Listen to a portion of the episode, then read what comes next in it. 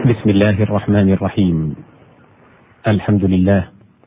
أشهد أن لا إله إلا الله وأشهد أن محمدا عبده ورسوله. اللهم صل وسلم وبارك على عبدك ونبيك محمد وعلى آله وصحبه ومن تبعهم بإحسان. أيها المستمع المبارك هذه ألفاظ من القرآن الكريم. أتت على معاني مختلفة. فمنها القضاء. أصل قضى حتم. كقول الله عز وجل فيمسك التي قضى عليها الموت أي حتمه عليها. ثم يصير الحتم بمعان كقوله تعالى وقضى ربك ألا تعبدوا إلا إياه أي أمر لأنه لما أمر حتم بالأمر. وكقوله وقضينا إلى بني إسرائيل في الكتاب أي أعلمناهم لأنه لما خبرهم أنهم سيفسدون في الأرض حتم بوقوع الخبر. وقوله فقضاهن سبع سماوات أي صنعهن.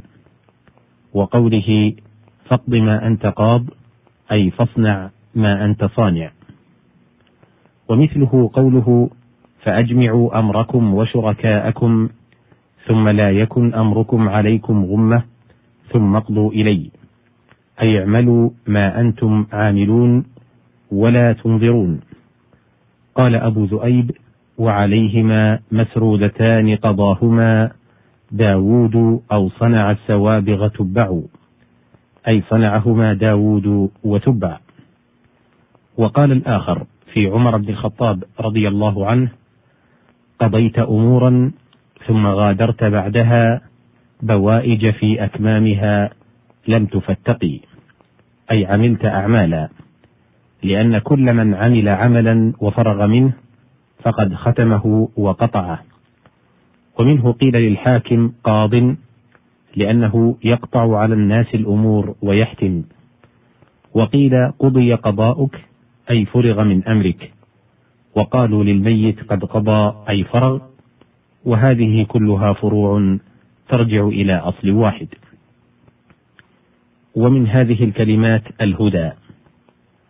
أصل هدى أرشدا كقوله تعالى عسى ربي أن يهديني سواء السبيل وقوله اهدنا إلى سواء الصراط أي أرشدنا. ثم يصير الإرشاد بمعان كقوله وأما ثمود فهديناهم أي بينا لهم وقوله أولم يهد لهم كم أهلكنا أي أولم يبين لهم. وقوله أولم يهد للذين يرثون الأرض أي ألم يبين لهم. فالإرشاد في جميع هذه بالبيان. ومنها إرشاد بالدعاء كقوله سبحانه ولكل قوم هاد أي نبي يدعوهم. وقوله وجعلناهم أئمة يهدون بأمرنا أي يدعون وإنك لتهدي إلى صراط مستقيم أي تدعو. ومنها إرشاد بالإمضاء كقوله تعالى والله لا يهدي كيد الخائنين أي لا يمضيه ولا ينفذه ويقال لا يصلحه. وبعض هذا قريب من بعض. ومن هذه الكلمات الأمة أصل الأمة الصنف من الناس والجماعة. كقوله عز وجل كان الناس أمة واحدة أي صنفا واحدا في الضلال فبعث الله النبيين. وكقوله عز وجل إلا أمم أمثالكم أي أصناف. وكل صنف من الدواب والطير مثل بني آدم في المعرفة بالله وطلب الغذاء وتوقي المهالك والتماس الذرء مع أشباه لهذا كثيرة. ثم تصير الأمة الحين كقوله عز وجل والذكر بعد أمة وكقوله ولئن أخرنا عنهم العذاب إلى أمة معدودة أي سنين معدودة. كأن الأمة من الناس القرن ينقرضون في حين فتقام الأمة مقام الحين. ثم تصير الأمة الإمام والرباني كقوله تعالى إن إبراهيم كان أمة قانتا لله حنيفا أي إماما يقتدي به الناس لأنه ومن اتبعه أمة فسمي أمة لأنه سبب الاجتماع. وقد يجوز أن يكون سمي أمة لأنه اجتمع عنده من خلال الخير ما يكون مثله في أمة. ومن هذا يقال فلان أمة وحده أي هو يقوم مقام أمة. وقد تكون الأمة جماعة العلماء كقوله ولتكن منكم أمة يدعون إلى الخير أي يعلمون. والأمة الدين قال تعالى إنا وجدنا آباءنا على أمة أي على دين قال النابغة حلفت فلم أترك لنفسك ريبة وهل يأثمن ذو أمة وهو طائع أي ذو دين؟ والأصل أنه يقال للقوم يجتمعون على دين واحد أمة فتقام الأمة مقام الدين. ولهذا قيل للمسلمين أمة محمد صلى الله عليه وسلم لأنهم على أمر واحد. قال تعالى وأن هذه أمتكم أمة واحدة أي مجتمعة على دين وشريعة. وقال الله عز وجل ولو شاء الله لجعلكم أمة واحدة أي مجتمعة على الإسلام. ومن هذه الكلمات العهد. الأمان عهد قال الله تعالى فأتموا إليهم عهدهم إلى مدتهم.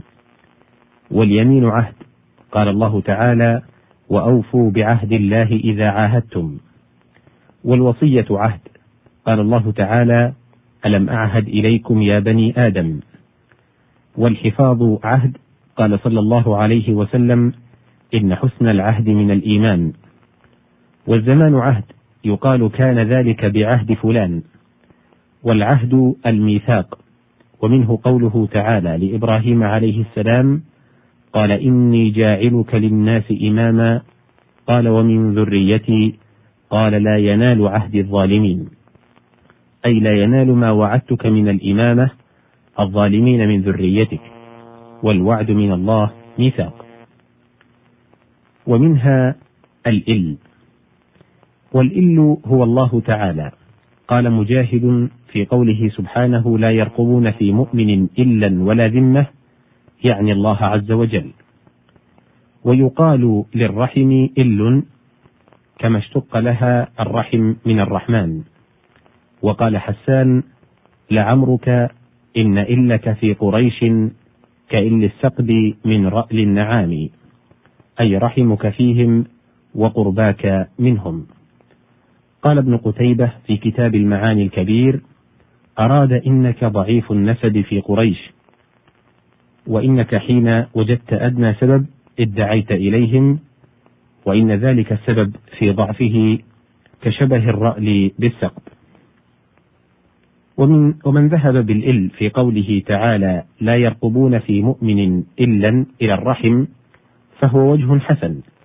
كما قال الشاعر دعوا رحما فينا ولا يرقبونها وصدت بأيديها النساء عن الدم يريد أن المشركين لم يكونوا يرقبون في قراباتهم من المسلمين رحما.